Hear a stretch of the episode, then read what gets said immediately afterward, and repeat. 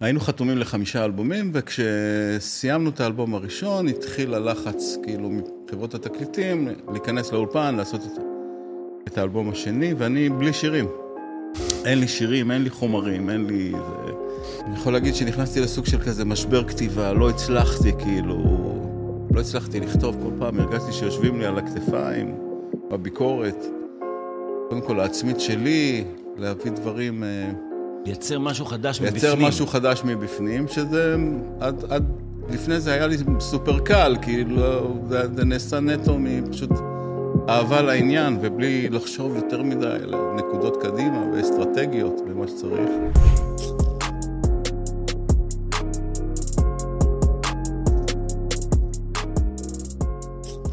והיום אנחנו מדברים על קבלת החלטות בתחום היצירה והמוזיקה עם מפיק העל פטריק סבג, שעבד עם גדולי היוצרים בארץ. שלמה ארצי, אנקרי, דוד דאור, מיכה שטרית, ברי סחרוב, שלומית אהרון, עידן עמדי ובניה ברבי. וזאת רק רשימה חלקית.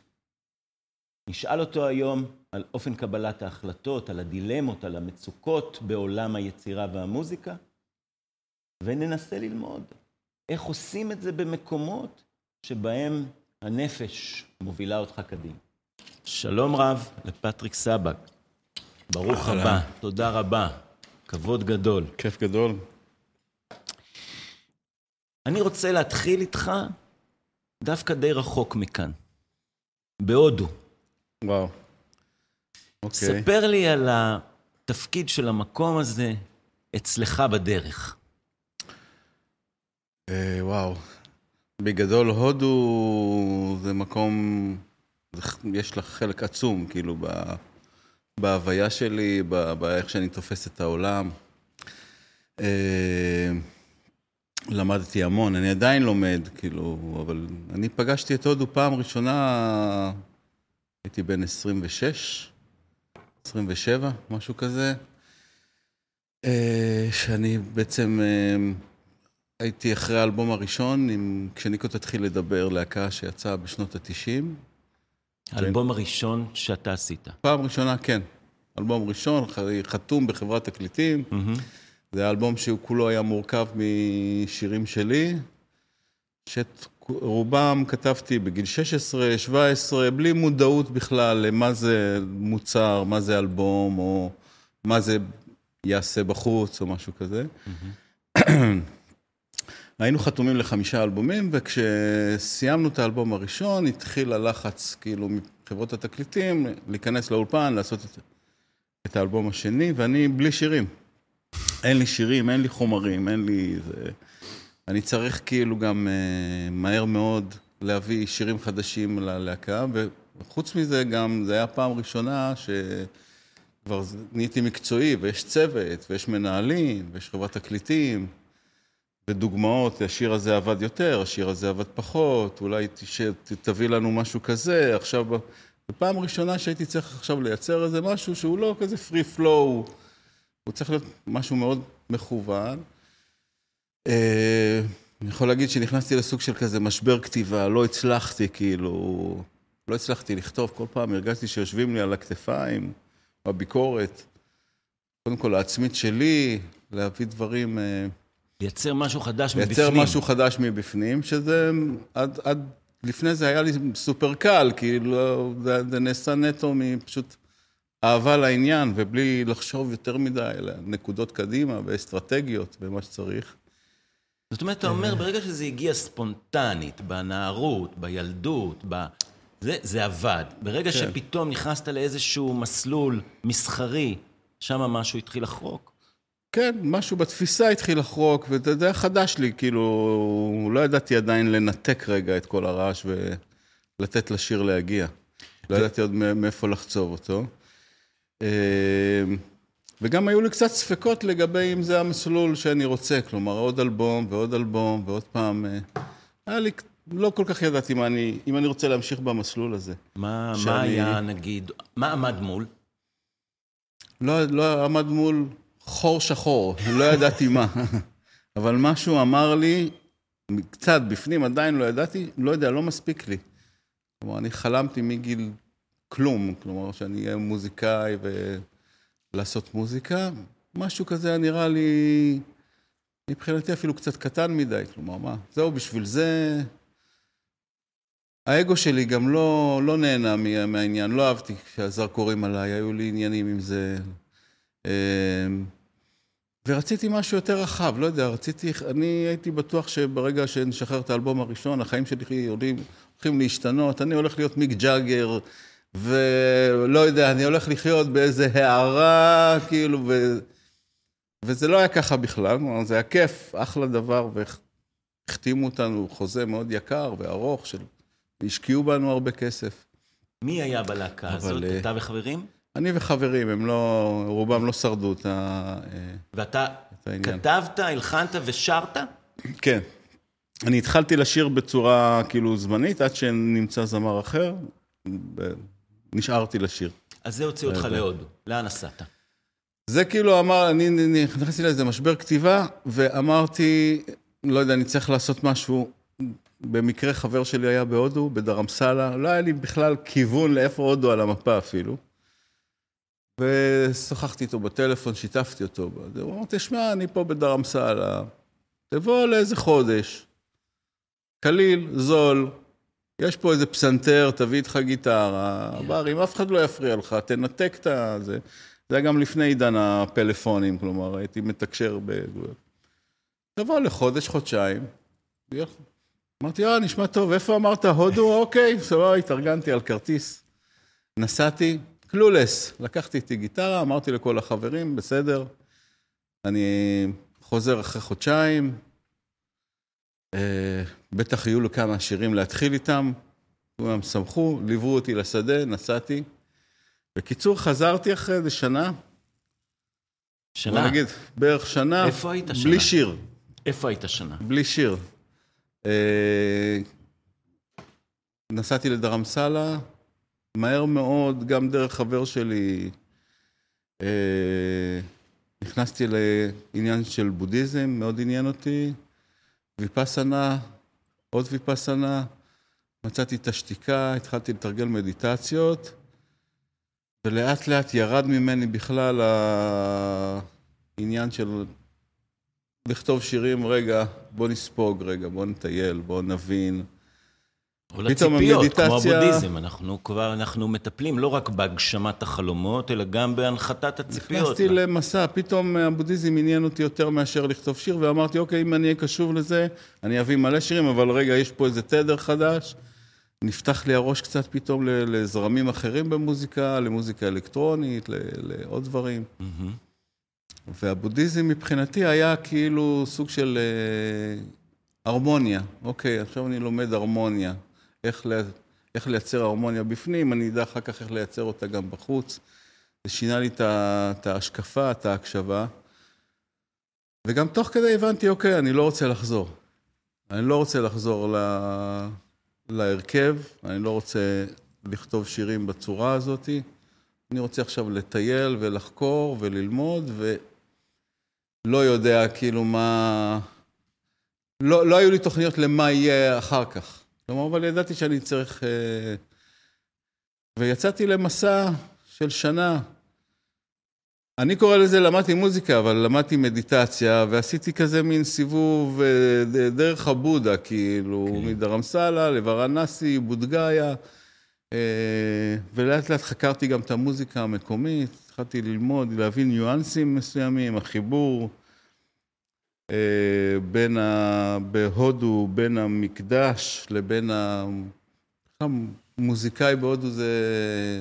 זה... הם מגיעים מהמקדש, הם ברהמינים, זה קסטה מאוד גבוהה, ולי זה היה כזה... אה, זה מאלף. מאוד אומרת... מעניין לחקור, פתאום מצאתי שדה של דברים והתחלתי... השתנתה לי התפיסה תוך כדי, כאילו, וזה ריתק אותי, לא יכולתי לעצור.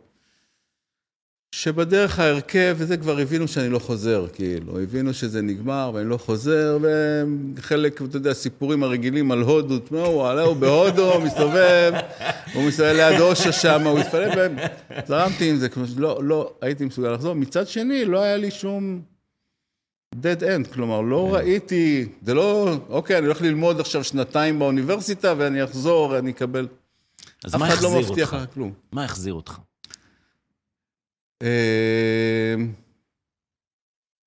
אחרי שנה כאילו הבנתי שאוקיי, זה הזמן לחזור ולהתמודד. התחלתי גם כבר קצת לאסוף, קצת... אה, קניתי סמפלר, התחלתי לדגום, עד אז ניגנתי קלידים וגיטרה, ובעקבות הלימודים בהודו יותר התחלתי להקליט דברים מסוימים ולעצב אותם. Hmm, הסמפלר, כמו החלפתי את הכלי נגינה, מצאתי שזה משהו רחב יותר.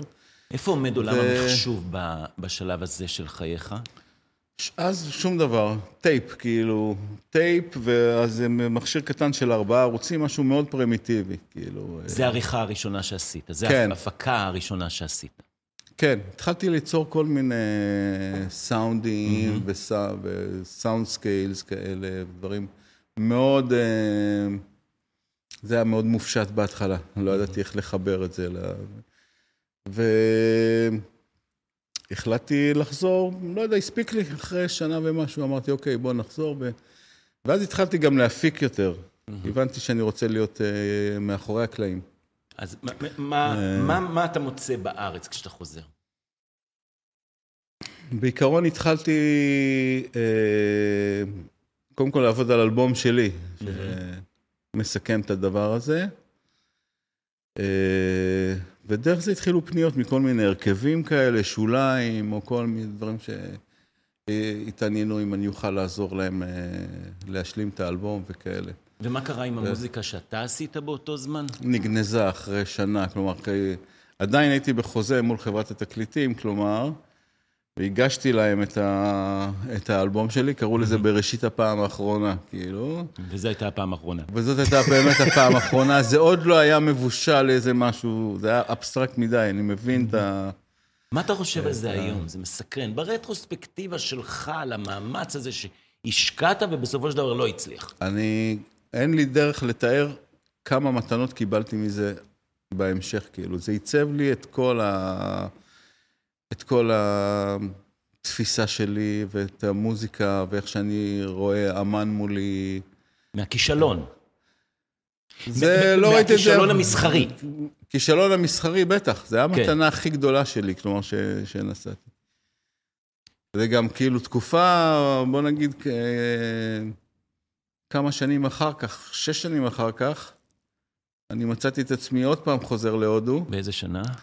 ב-2005, קצת אחרי הצונאמי, חזרתי להודו, אה, כי הזמינו אותי איזו חברה שעשתה אה, סדרה, הם מכרו את זה אחר כך ל-National Geographic, אה, יציאה למסע בכל האזורים שנפגעו בצונאמי, והם חיפשו מפיק מוזיקלי שיכול לתרגם את המוזיקה האסייתית למערב, כי הם מכרו את המוצרים האלה במערב. ואני פתאום כל השנה הזאת צברתי כל כך הרבה ידע ואינפורמציה, וכל כך הבנתי את המהות של המוזיקה האסייתית, שמבחינתם הייתי מושלם. ואז חזרתי חזרה להודו, מ... אבל בביזנס קלאס כבר. כלומר, עם רילוקיישן, עם אה, חוזה. נכנסת אה, לעולם המסחרי, היה מי שיממן את החלומות שלך. לגמרי, בצורה אבל הרבה יותר אה, גבוהה ומרתקת ממה שחשבתי, ושנתיים הייתי באסיה עם אולפן נייד, היינו במלדיבים, באינדונזיה, בסרי לנקה, אה, מיינמר, A dream comes true. לגמרי, שנתיים חייתי נטו כאילו מ... עכשיו לייצר מוזיקה מכל מה שלמדתי, כאילו, בשנה הזאת. כאילו. מרגש. ולתרגם אותה לאוזניים הערביות, שזה כאילו, יש פה, זה קצת כמו בבישול, וזו חברה הודית. זו חברה קנדית הודית. לא, אבל. בגדול הם רצו להנגיש את העולם שלהם. ואתה היית כן, הגשר. כן.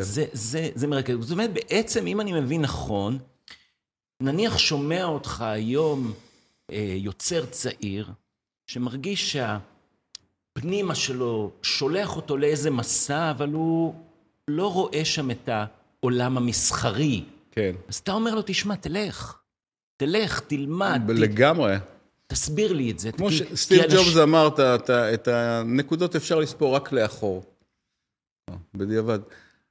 אם, אם משהו קורה לך, שהוא ויש בו, זה, זה בא באמת מתשוקה, אה, ובהתחלה נראה שיש לזה מחיר, אבל אם משהו קורה לך, אתה צריך ללכת על זה וללמוד. היקום ידע בדיוק איך להחזיר לך. מהניסיון שלי, זה תמיד גם החזיר לי באמת פי עשר ממה שחשבתי שבכלל מגיע לי, כאילו. אני ילד מאשדוד, מי בכלל שם אותי עכשיו להיות איזה מפיק שמסתובב בעולם ומקליט מוזיקה עם דייגים וחוקר והכול בצורה הכי אה, אה, מטופלת ו, ומקצועית שיכולה להיות, כאילו. ב... זה נטו ה... שלא ראיתי בעיניים, כאילו, ו, ובאמת, מצד שני חוויתי ולמדתי את העניין הזה והתגלגלתי. שבהתחלה זה היה כיוון כאילו קצת הזוי. אה, אף אחד לא מבטיח לך שום דבר, כאילו. אה... אתה הולך בלי לראות מטרה.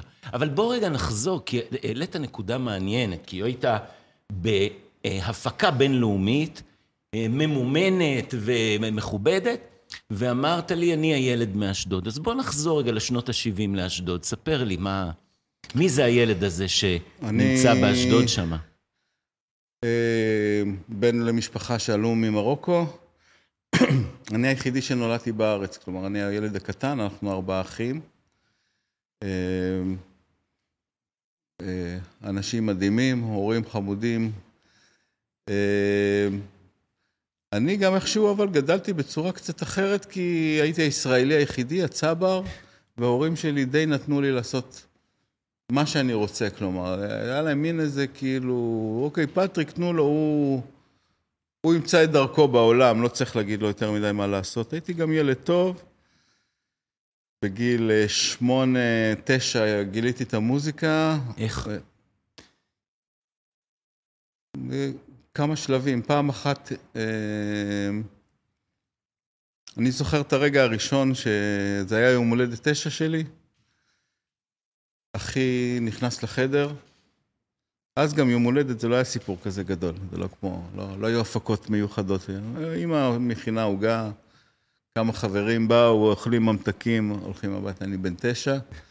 ליאון, אחי הגדול, נכנס לחדר, ואימא שלי אמרה לו, אתה יודע שלפטריק יש יום הולדת היום וזה, והוא אמר, וואה, כן, תראה, הבאתי לך... הוא הביא לי אלבום של בוב דילן, זה נקרא Desire. Yeah. אלבום עם תשעה שירים. איזה שירים יש באלבום, אתה זוכר? בטח, no, אני מכיר בעל פה את ה...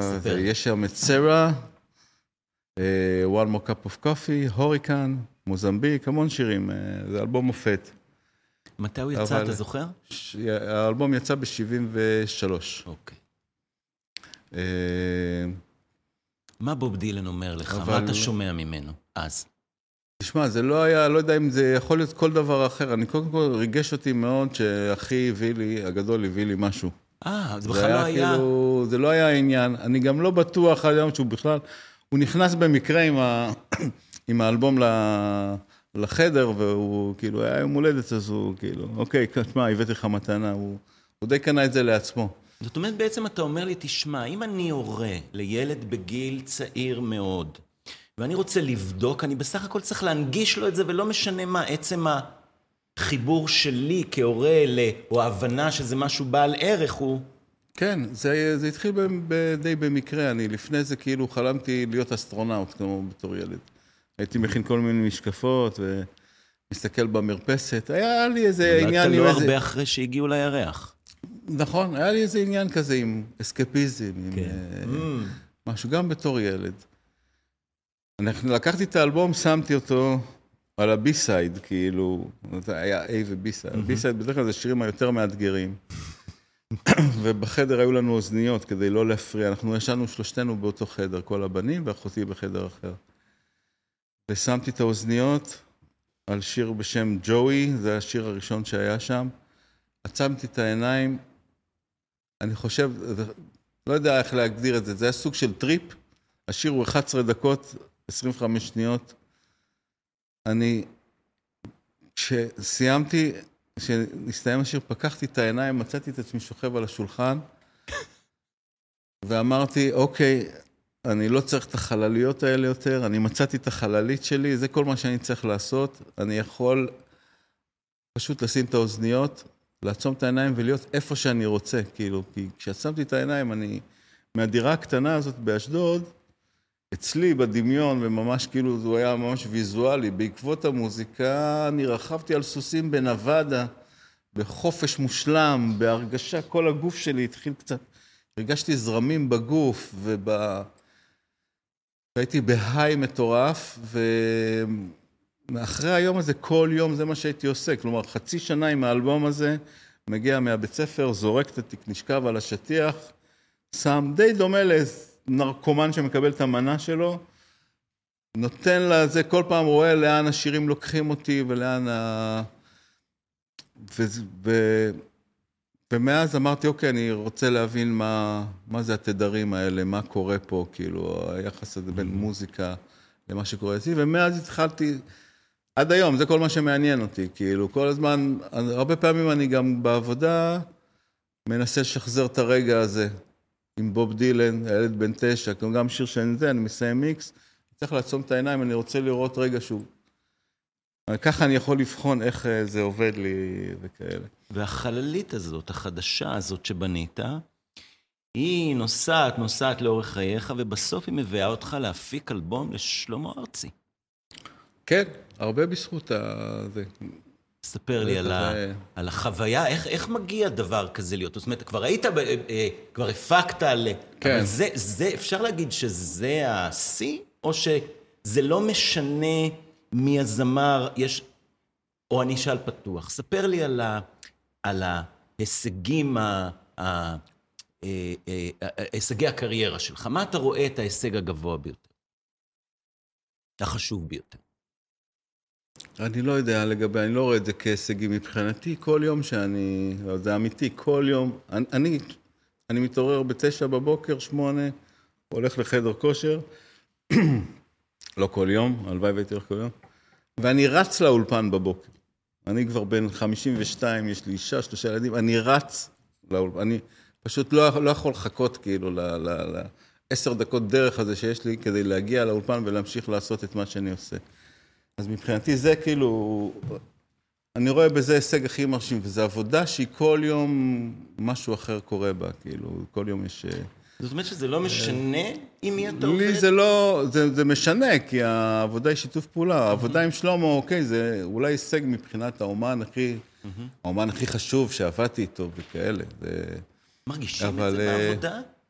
זאת אומרת, אתה מרגיש שאתה עובד עם אמן שהוא מתחיל, בינוני, מנסה לפרוץ לבין מישהו שהוא כבר תותח על?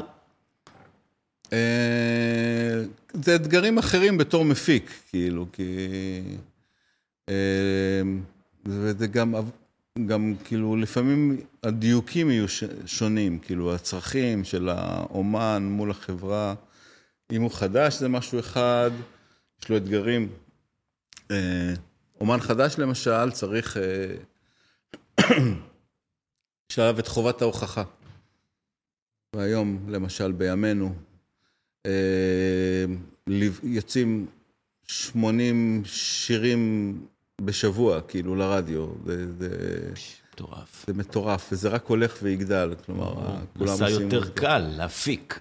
זה נהיה מאוד קל להפיק ולייצר סאונד, אבל מאוד קשה מצד שני לשבור את תקרת הזכוכית ולבלוט.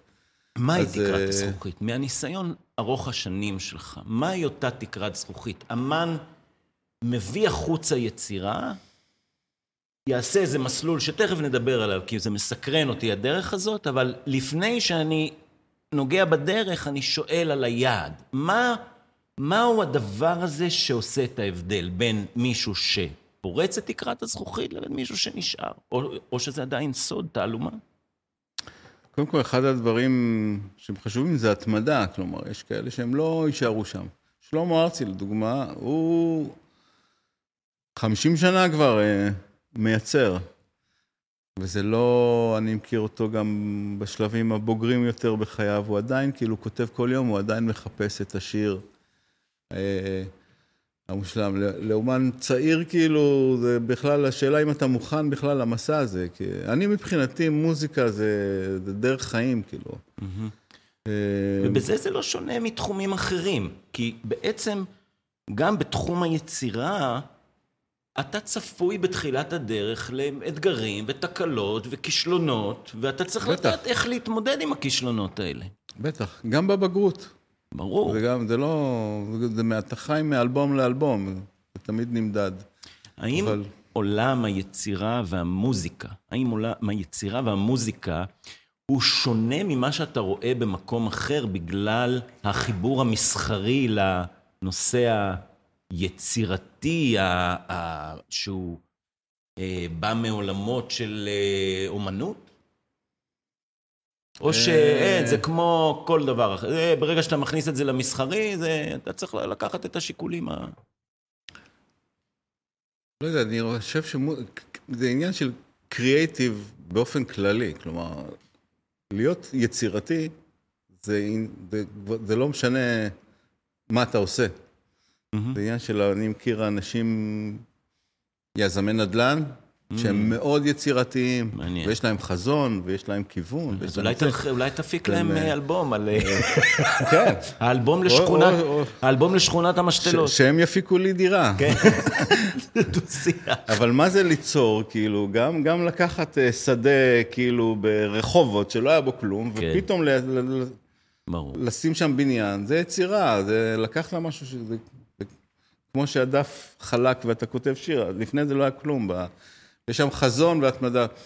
זאת היצירתיות. העניין עם אומן, לכולם יש קשר עם, ה- עם היצירתיות שלהם. לכל אחד, זה לא משנה מה הוא עושה בחיים, זה לא קשור. הוא יכול להיות גם עורך דין או כל דבר. תמיד אתה צריך למצוא את היצירתיות של העניין. ככה, זה מה שיעשה אותך טוב וזה מה שימשוך אנשים אליך. Mm-hmm. אנחנו נמשכים לאנשים בגלל היצירתיות שלהם והוויז'ן שלהם והכיוון. לפעמים הם יכולים לעזור לנו יותר להשיג את מה שאנחנו רוצים, השירות שאנחנו רוצים ממנו, אבל אנחנו, בסוף אנחנו נבחר, אם אנחנו יכולים להרשות לעצמנו, את הכי יצירתי מביניהם. כאילו, יש כאלה שהיה לך... הקטע עם אומנים רק שהיצירתיות אצלנו, אם אנחנו, בקרבה ראשונה, כלומר, אנחנו, כן. אנחנו בקרבה, אנחנו, אתם החזית. אנחנו החזית, אנחנו פה, יש מקצועות. אחרים שזה אוקיי, זה פחות, זה, זה עדיין די חשוב, אבל זה לא, זה לא שיא המוקד, יש לך עוד דברים, אתה יכול.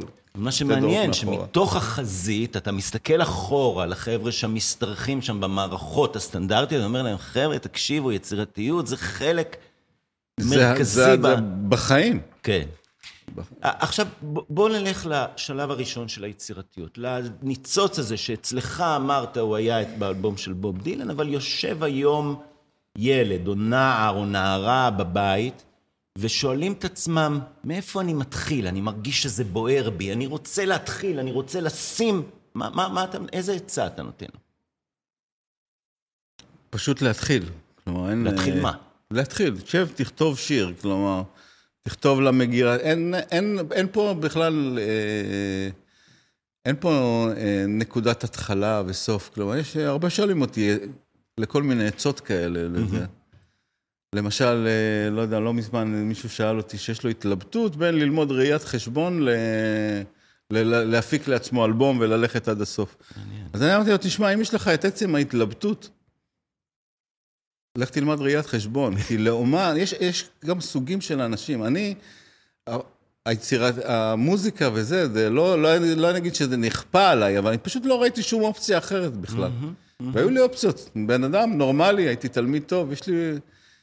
לא שמתי שום אופציה, כאילו, בכלל, לעשות משהו אחר חוץ מזה. זה העוגן של... אבל אולי זה בגלל... והרבה הרבה אומנים הם כאלה, זה לא, זה אפילו אין להם סוג, אין להם... פורטיס, אם הוא לא עושה מוזיקה, הוא הומלס, כלומר, זה או זה או זה. אין פה עוד משהו בדרך. אהוד בנאי היה גנן ככה בינתיים עד גיל 33, הוא הצליח. ברי, האנשים שאני... זה- זה- הם all in בדבר הזה, ואין אפילו אופציה, כאילו. ברגע שיש לך אופציה, זה אומר, אולי אתה לא צריך, לא חייב לעשות את הדרך הזאת של אומן אה, עד הסוף. ו... האם- ומצד שני, זה, זה נקבע כל פעם במה שאתה עושה. מה שאתה, אין, מה שאתה עושה, זה, זה לא, זה מה שיקרה, זה לא... היום אנחנו גם לא בעידן כזה שיגלו אותי, או... כן, היום אתה הכל, פשוט... תשים תעשה- ברשת, מה שילך ילך. כן. אז היום יש הרבה יותר אה, הזדמנויות, אבל אני רוצה לשאול אותך על הדילמה הזאת, שהיא מרתקת בעיניי, ואני חושב שהרבה אנשים עם ניצות שלא יודעים מה לעשות, ואתה אמרת, אם יש לך את השאלה, תבחר. אבל אני רוצה לאתגר את הדילמה, כן, של קבלת ההחלטה הזאת, יושב אדם ויש לו מה להגיד, הוא רוצה להגיד, מבפנים. האם הנושא הזה של רואי החשבון לא מגיע לך מבחוץ? זאת אומרת, האם המלחמה הזאת שלו היא לא בעצם מלחמה בין פנים וחוץ, ולא באמת מלחמה בין שני מאוויים פנימיים להיות רואה חשבון? הרי מי רוצה בחייו לשבת ולעשות אה, אה, מאזנים, כן. אני מנסה לחשוב אם היצירתיות אין לה איזשהו בכל זאת ייחוד. היצירתיות הזאת שמביאה ליצירה שהיא מסתכל, נכון שאדריכלות... אתה מדבר על לחיות כאמן, כאילו. כן, אני, אומר, אני שואל, האם, האם אתה חושב, האם, או מה אתה אומר על השאלה הזאת, האם זה לא מאבק בין פנים לחוץ, והאם כשאתה מבין את זה, האם ההחלטה לא עשויה להיות אחרת ממה, מההמלצה שאתה נתת לו? כן, תשמע, הרבה פעמים אנשים לא מרשים לעצמם, למשל, גם בגלל חינוך, בגלל, אה, לא יודע מה, פרנסה או משהו, לא מרשים לעצמם ללכת עד הסוף על, על מה שהם אוהבים, כאילו. במקרה של היצירה, כאילו זה... ברגע שאתה מקבל החלטה ללכת בדרך הזאת, יש הרבה... אין, אין מסלול מובטח, אין תעודה, כלומר. אני, היום אני מרצה ברימון, למרות שאני עזבתי את הבית ספר בגיל 16, כאילו, זה, זה מקצוע כזה של... אני יכול להביא אלף תעודות, אבל אף אחד לא יבוא ויעבוד איתי בגלל שיש לי תעודות מברקלי או משהו כזה. כן, אפשר ללמוד יצירתיות? כן, אפשר ללמוד איך, ל... בטח. אפשר ללמוד איך, אה, איך לתחזק אותה, איך אה, להקשיב לה, איך לפעול מתוכה, איך... אה, יש כל מיני דרכים, זה תלוי באיזה שלב. יש דפי בוקר, למשל. מה זה? דפי בוקר. ספר. דפי בוקר זה אחת הטכניקות המדהימות בכלל ל... לכתיבה, בעיקר טקסטים. אה, שהתרגיל הוא איך שאתה קם, לתוך המחברת, פשוט לכתוב. עוד לפני ששטפת פנים, יש את, ה... יש את הרגעים האלה שה... שה... שהמיינד עדיין לא ממש ממש התעורר, ופשוט לתת, לה... לתת ליד לכתוב מה שעולה לך בראש. אה, שזה די מדהים. זה בהתחלה, זה יכול להיות גם שטויות, לא קשורות לכלום, אבל עצם הזאת, הפעולה הזאת שעשית, אתה מכיר את זה גם לפעמים ש... שאתה חושב על איזה חלום, שאתה נזכר באיזה חלום, ולאט לאט אתה מגלה ממנו עוד ועוד ועוד דברים, בהחלט. ואז גם אחרי זה אתה כבר לא סגור, רגע, חלמתי את זה או שדמיינתי את זה. אז זה משהו כזה עם שירים כן. שכותבים, או משהו, או בכלל. אתה יודע שאומרים... שהזיכרון הוא לא נכנס לפעולה עד שאתה לא מוציא את הדברים החוצה. זאת אומרת, ברגע שאתה משמר אותם באיזושהי צורה, אז אתה יכול להתחיל לבנות עליהם דברים. זה, זה, זה, כן. אני מניח שזה מתייחס לזה גם. בדיוק, זה מין תיעוד כזה. ואפשר לה, להתאמן אפילו על היצירתיות, שזה... בטח. אה, אה, אה, איך היום הטכנולוגיה משפיעה על, ה... על הדבר הזה? וואו, בצורה מטורפת. כלומר, אני חושב שבכלל, בתחום המוזיקה, אולי זה התחום שעבר הכי הרבה פורמטים, ב, בוא נגיד, ב-20 שנה האחרונות, אפילו פחות. אז תן לי, אתה יודע מה? בוא רגע נעשה, רק לצורך מי שמקשיב ומי שהיה שם, תן לי את אבני הדרך המרכזיות בדרך הזאת, של הפורמטים של המוזיקה, מההתחלה ועד הסוף. תראה, וואו, זה... בכותרות, לא, כן. לא קורס... עולם ההקלטה למשל, אוקיי? בהתחלה, אה, הרעיון בלהקליט, זה היה תזמורות, בדרך כלל בכנסיות או בהיכלים כאלה. אה, המציאו את הגרמופון, הקליטו לערוץ אחד, תזמורת, ואתה שמעת את מה שקורה בלייב, המציאו את האלבום. בהתחלה הוא היה קצר יותר, אחרי זה ארוך יותר. אחר כך הגיע אה, ארבעה ערוצים. ובעצם יכולת כבר להקליט, אה, להפריד, דברים, דברים אפילו הראשונים של הביטלס הם בארבעה ערוצים. ולאט לאט הערוצים לאט גדלו. לאט לאט הערוצים גדלו, אבל כל הזמן הרעיון היה לתעד משהו שקורה ב live, כלומר, בלי להקה שעושה הרבה חזרות, mm-hmm. ואז אתה פשוט מתייחס להקלטה כמו צילום, אוקיי? עשיתי חזרות, זה כמו תיאטרון, ואז אני פשוט מתעד את זה. Sergeant Pepper של הביטלס זה היה הפעם ראשונה שבעצם השתמשו באולפן ההקלטות ככלי נגינה בפני עצמו. כי הם החליטו, הם, הם היו במשבר, הם החליטו שהם לא הולכים אה, להופיע יותר. והם נכנסו לה, לה, לעבודה על אלבום בידיעה שהם לא הולכים לנגן אותו בצורה חיה, mm. אף פעם. Mm-hmm. ואז הם התחילו להשתמש באמצעים של, של, ה, של האולפן, ולהפוך סרטים אחורה, ועשו כל מיני ניסיונות. בלי המגבלה שיצטרכו לשחזר את זה אחר כך בהופעות. בהופעה, כן. כן. בלי המגבלה ובלי... ומה זה יצר? מטר. זה יצר אה, פתאום תדר חדש של... שם נולדה ההפקה, אוקיי.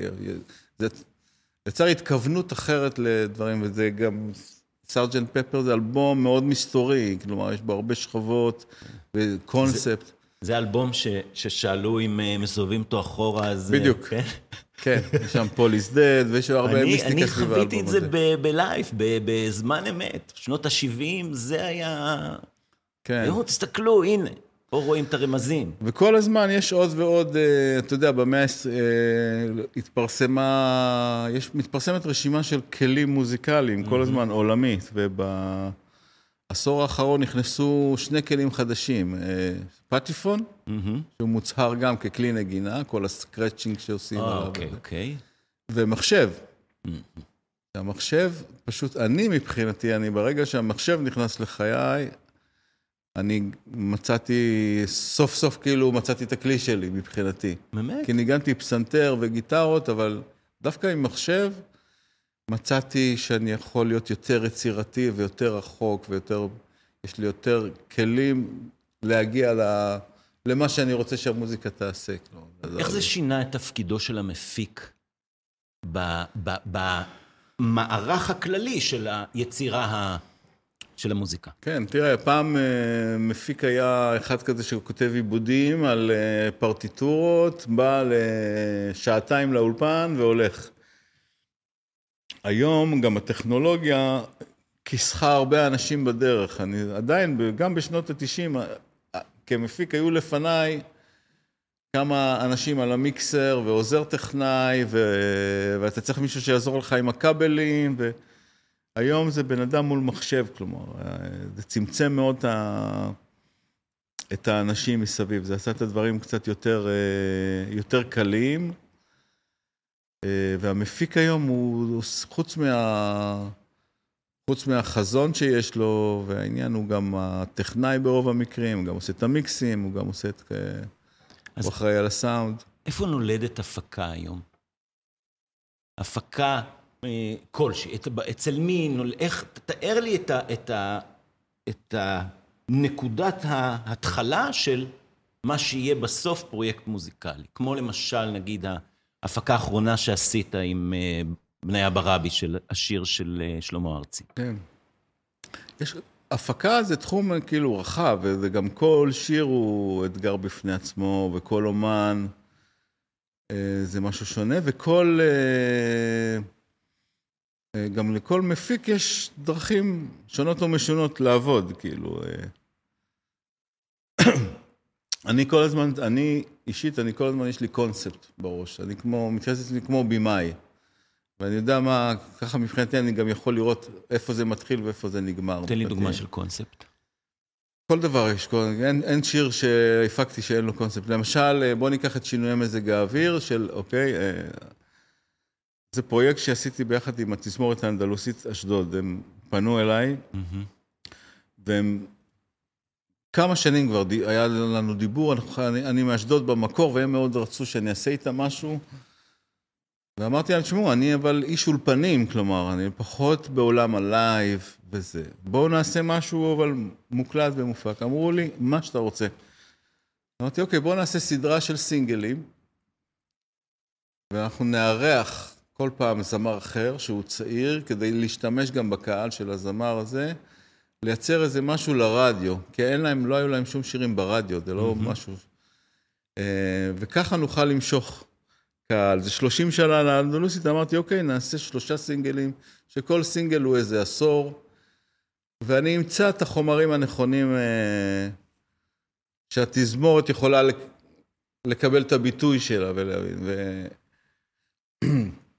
אחד הדברים הראשונים שחשבתי עליהם, כלומר, עבדתי על שני שירים. השיר הראשון היה אינטי עומרי של מיכה שטרית, מי שר אותו? רבית פלוטניק. פשוט אה, סוגרים את המפעל, בואי נלך הביתה. זו מציאות שאני סופר מכיר מאשדוד, שנות ה-80. אבא שלי עבד במפעלי רוגוזין, זה מפעל טקסטיל, שביתות, דברים, הסתדרות. מאוד, אה, זה גם אחרי שיחות עם מיכה, זה, זה באמת ההשראה לטקסט הזה. וביחד עם אה, רביד פלוטניק נתנו כאילו פרשנות חדשה לטקסט הזה עם התזמורת. שינויי מזג האוויר, זה גם היה לי... זה שיר שאני מאוד אוהב מהילדות באשדוד. העולם הזה של אה, גם חוף וגלים, הסביבה מאוד הזכירה לי את אשדוד, ומאוד רציתי לקחת רגע שיר של שלמה ארצי, שהוא לא מתקשר, שהוא לא בהכרח כאילו, אתה לא חושב על אשדוד, או על משהו אנדלוסי, זה עניין אותי מאוד האתגר, החיבור הזה של... אה, לת... אני אמרתי, קראתי לזה, לתרגם את זה לאשדודית, ביחד עם, ה... עם התזמורת. אשדודית. אה, אשדודית, בדיוק. לתת לזה את- את הסאונד המרוקאי יותר, המקצב. ו... שבעצם התזמורת. האנדלוסית היא תזמורת מרוקאית. כן. אנדלוס, מוזיקה אנדלוסית באופן כללי זה חיבור של... אה, שנוצר אה, בחבל אנדלוסיה בספרד, וזה חיבור כזה של מוזיקה ערבית וספרדית. מוזיקה מדהימה. אבל יש, יש, שם, יש שם נגנים ממרוקו? יש שם נגנים ממרוקו, חמישה. מעניין. והם, והם, והם באו אליך לאולפן בקבוצות? כן, הם באו בחלקים חלקים, כי אני רציתי שליטה על כל סקציה, כאילו. וזה הטכנולוגיה את אה, מאפשרת היום. כן, לגמרי. הם מחוברים למוזיקה של שלמה ארצי? הם מאוד אהבו את זה. אני הייתי עכשיו במרוקו, חזרתי לפני שבועיים, Mm. כאילו, והשמעתי את זה לכמה אנשים שם, והם... מוזיקה, ברגע שהיא עובדת, היא עובדת כאילו... זה, מר- זה, אה, זה... מרתק. אז, אז בוא- לכל דבר יש קונספט, יש איזה vision, איזה משהו. אצלי אני מאוד משוחרר עם, אני תמיד מחפש את המבט האישי, גם אם אף אחד לא יודע. כלומר, אני צריך לחבר את זה רגע לנקודה בבית או לאיזה... וזה מעניין אותך כיוון. להנגיש את זה אחר כך, או שאתה אומר לו, זה שלי בפנים? אני יודע את זה, לא, זה כמו- לא יודע, אני כאילו מונגש באופן טבעי, אני חושב, כי אה, בסופו של דבר המוזיקה שאני עושה, אוהב ומייצר, היא ברובה מתקשרת עם, אה, עם, עם... אני לא עושה איזה תת-אוונגרד אה, מורכב. מצד שני, אני לא, לא מתעסק בזה יותר מדי. ל- אני למשל עם השיר הזה של האנדלוסית ובניה, של שלמה, אני אמרתי, טוב, לא ישמיעו את זה ברדיו, אבל אני הגעתי פה ממש לדיוק שאני רוצה, כי זה שיר של אה, שש דקות, חמש ומשהו דקות, כלומר, היום כבר לא עושים שירים כאלה. והלכתי שם על כל העדינות של הדברים, פחות... אה, ומצד שני. זה, זה התקבל בצורה מטורפת, כלומר, אתה יודע, היום חמש וחצי דקות שיר זה שלושה שירים של נועה קירל בזמן הזה, יוצאים תוך כדי שאתה עובד עליהם. וזה לה- להפך, דווקא כאילו שלא, אם הייתי חושב איך להנגיש את זה או למסחר את זה, אה, לפי דעתי, הייתי הורס את זה. אז מה, מה אתה אומר לתופעה הזאת שהיום, לא תופעה, אבל ה- היום המפיק מקבל קרדיט בתוך השיר? זה לא היה מקובל פעם. כן, זה היה נסתר, כי היום באמת התפקיד שלו הוא הרבה יותר אה, נחרץ ממה שהיה פעם. Mm, הוא נעשה יותר חשוב בתוך כן, התהליך. הרבה דברים גם נולדים לתוך כדי, תוך כדי ההפקה עצמה. לפעמים נפגשים המפיק והכותב והמלחין, והם מייצרים, אומרים, אוקיי, בוא נייצר, בוא נייצר את השיר כאן, איזה שיר אנחנו צריכים, ואז המפיק הוא ממש חלק מהיצירה. ברור. עכשיו, בגדול, גם אם אנחנו בעניין של קבלת החלטות, מפיק, בסוף התפקיד שלו זה להפיל את, ה... את הפור על כיוון כזה או אחר. הוא, הוא מישהו שאתה, הוא הקברניט של הספינה, שבסוף הוא צריך להחליט אם לנווט לכיוון הזה או לכיוון ההוא. אז ו- ספר לי על, על החלטות קברניט שעשית, שאתה אומר, הנה, בנקודה הזאת עשיתי החלטה, הספינה הסתובבה, ודיברנו על זה קודם, אבל אנשים... כן, יש, זה כל הזמן uh, קורה בצורה כזאת אחרת. החלטה, אני חושב, הכי- המשמעותית שהייתה לי, זה, uh, כמו שאמרנו קודם, שהנסיעה להודו הראשונה, שזה היה כאילו, נסעתי ולא ידעתי למה, אבל כלומר, ההחלטה שלקחתי עם עצמי לזרום עם זה וללכת אחרי התשוקה שלי הייתה מבחינתי מאוד בסיסית ונתנה לי הכי הרבה בנפיץ וכאלה. זאת אומרת, בעצם ו- אני רוצה לשאול, לקחת את העולם שלך ולנסות לשאול האם אפשר באמת להרחיב את זה לאיזשהו עיקרון. האם היית יכול להגיד לי שמה שאפיין את המהלך הזה זה השינוי? זאת אומרת, אתה נמצא במצוקה, אתה לא יודע מה לעשות, תעשה שינוי. תעשה, תעשה משהו אחר וחדש ממה שעשית עד היום. האם זה נכון להגיד את זה? בטח, זה, זה נכון תמיד. בכלל, אומנים, כאילו, יש להם סוג של קללה וברכה. שהם כל כמה זמן הם צריכים להמציא את עצמם מחדש. וזה באמת, זה סוג של קללה וברכה באותה, באותה מידה. מצד אחד זה כאילו, גם אומן מצליח.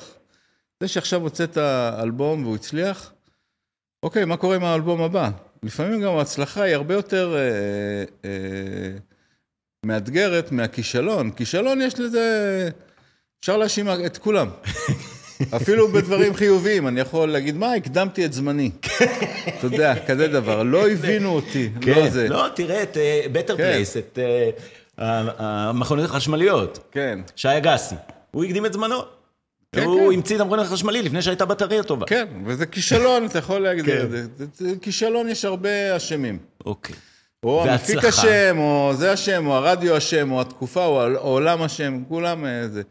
הצלחה היא מחזיקה 14 יום. אתה יודע, יש כזה מין ממ"ד, מדד כזה של... אה, אני עובד עכשיו באיזה חברת הייטק, ואני מרוויח, לדוגמה, 20 אלף שקל, ואני מפמפם לי בראש, ברגע שאני ארוויח 27 אלף שקל, החיים שלי יהיו, זה, זה בדיוק מה שאני צריך כדי להיות מבסוט ולהיות מסודר וזה.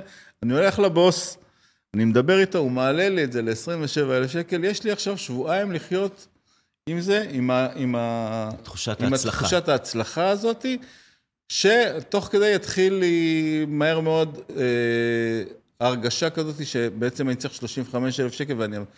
קו האופק, זה כמו קו האופק, ככל שאתה מתקרב אליו הוא מתרחק, אי אפשר, לא מגיעים לזה אף פעם. אה, זאת אומרת, בעצם אפשר להגיד אולי שאתה אומר שיותר חשוב הדרך מה... הכי חשוב הדרך, ולעשות, זה בעיניי, ככה אני רואה את זה, כלומר, הדרך זה, זה העניין הכי, זאת המטרה בסוף. הדרך, לחיות את, לחיות את ה... לחיות בתשוקה, לעשות משהו ש...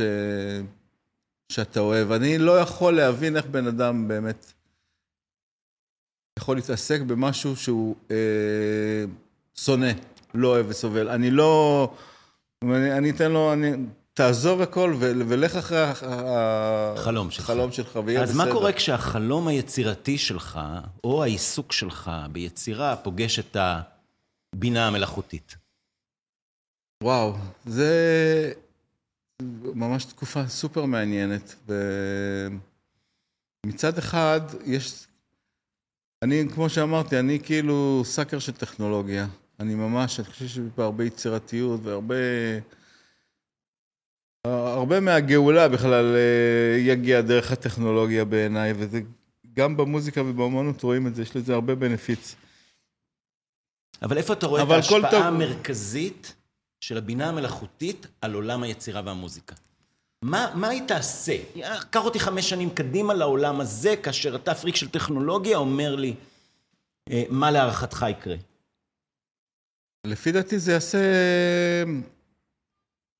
טוב ורע במקביל. כלומר, יש דברים שזה יעשה ממש טוב, שזה יהיה כלי עזר מאוד אה, יצירתי, דווקא למפיקים ולכאלה. הדברים יקרו האם זה בצורה כלי מהירה. עזר או מחליף? אני לא מאמין שזה יחליף, זה כאילו, גם מה ששמעתי עד עכשיו זה קצת, חסר לזה איזה טעם מסוים, אבל זה, זה, זה יחליף בצורה מסוימת אולי לתקופה מסוימת, כאילו. אה, אתה תיארת לי קודם מצב שבו פעם הייתה שרשרת הפקה עם הרבה אנשים, שהמחשב צמצם אותה לבן אדם אחד מול מחשב. האם הבינה המלאכותית תשאיר רק את המחשב? אה, לצערי, אני חושב בכמה תחומים כן. לא, בתחום של המוזיקה. האם יכול להיות לא... שנגיד למנוע, תן לי שיר שיהיה להיט. מוזיקה, מילים והפקה. והוא יעשה את זה. הוא יעשה את זה בוודאות. כן. יש כבר אה, אה, דוגמאות כאלה. האם יש לזה סיכוי להיות משהו שהוא מצליח כמו הצלחה של בן אדם? אני חושב שיהיו במקביל כאילו הצלחות מכאן, אבל זה לא, לא, לא, לא אה, יעלים את הבן אדם לגמרי. כי בעצם מעניין. אולי מה שאמרת קודם זה נכון, כי בעצם אתה לא יכול, מי שיש לו את הדחף, לא יוכל למנוע אותו. הוא יצטרך לעשות בעצמו. הוא חייב לפרק את זה בעצמו. והוא יצטרך ללמוד את הכלים הטכנולוגיים גם, כי יש גם דברים מסוימים, כאילו, אה, שלמשל, ששם ה-AI ייתן עבודה וזה, וזה יחליף את היוצרים, אני חושב. אבל זה יהיה לתחום שאין בו הרבה יותר מדי story uh, telling או סיפור אישי. כן. מוזיקה לפתיח לפרסומת עכשיו, סתם דוגמה, או פתיח לתוכנית, או משהו שהוא יכול להיות גנרי. אז זה היה גם... יוכל לעשות לך את זה, אבל הוא לא... לא יודע אם זה יעניין אותך לשמוע אל, אל, אלבום קונספט של אה, אביתר בנאי ב-AI. כן, גם במידה מסוימת, מה שמאפיין את ה-AI זה שיקוף של מה שהיה בעבר. ה-AI לא יודעת מה, עוד מה לא קרה. והיצירתיות נכון. זה בעצם החידוש. אז כן. הוא רק יודע לקחת את מה שהיה ולהגיד נכון. על סמך זה. אבל אם תיקח מעניינת. את זה נגיד אליך, ביציאה להודו, אף אחד לא היה כן. יכול, על סמך מה שהיה, להגיד לך, הנה, אני נכון. אתן לך כלים חדשים. ואז כן. בעצם יכול להיות שזה, יש תקווה ליוצרים חדשים ולהגיד להם, הוא לא יחליף אתכם ה-AI. הוא לא יחליף אתכם, אבל uh, לדברים מסוימים הוא כן יחליף לצערנו. דברים שיש בהם פחות מן הנפש. ברור. בגלל זה אמרתי אולי מוזיקה לפרסומת, או uh, דברים כאלה שהם יותר טכניים. אנשים גם ירצו לחסוך את העלויות, בן אדם זה עניין יקר. אני עושה עכשיו, סתם, דוגמה, שיר לבר מצווה של הבן שלי, ואני צריך פלייבק של זה, אז AI יעזור את זה, במקום שאני אלך לאיזה אולפן וזה. כי זה משהו שהוא כזה כן, טכני. זה כמו שיש לך טבח בבית ואתה מזמין בחוץ. כן. הדבר האחרון שאני רוצה לדבר איתך עליו זה שיתופי פעולה במוזיקה. תראה, באים אנשים עם אגו גדול מאוד, כל אחד רוצה להביע את עצמו, האם יש עתיד לשיתופי פעולה רחבי היקף. אני יודע שאתה עשית כמה שיתופי פעולה בינלאומיים. האם יש עתיד למקום הזה? האם למשל המערכות מחשב יוכלו לאפשר שיתופי פעולה יותר אה, יעילים, יותר טובים, כך שכל אחד יביא את היצירתיות שלו ויכניס... יש... אתה, אתה רואה תמונה כזאת? אה, אני, אתה יודע, ממה שאני יודע, עולם המוזיקה זה כל, כל הזמן יש שיתופי פעולה. כל הזמן נפגשים כמה באולפן ומשתפים פעולה. וגם כשזה נראה לנו שזה בן אדם אחד, יש סביבו צוות, ויש נגנים, ויש... אה, אה, היום אתה תראה שיש גם הרבה כותבים על כל שיר.